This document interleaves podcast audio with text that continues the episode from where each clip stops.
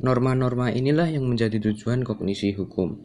Norma-norma yang memberikan karakter tindakan sah pada beberapa fakta material dan norma-norma tersebut tercipta melalui tindakan-tindakan hukum semacam itu.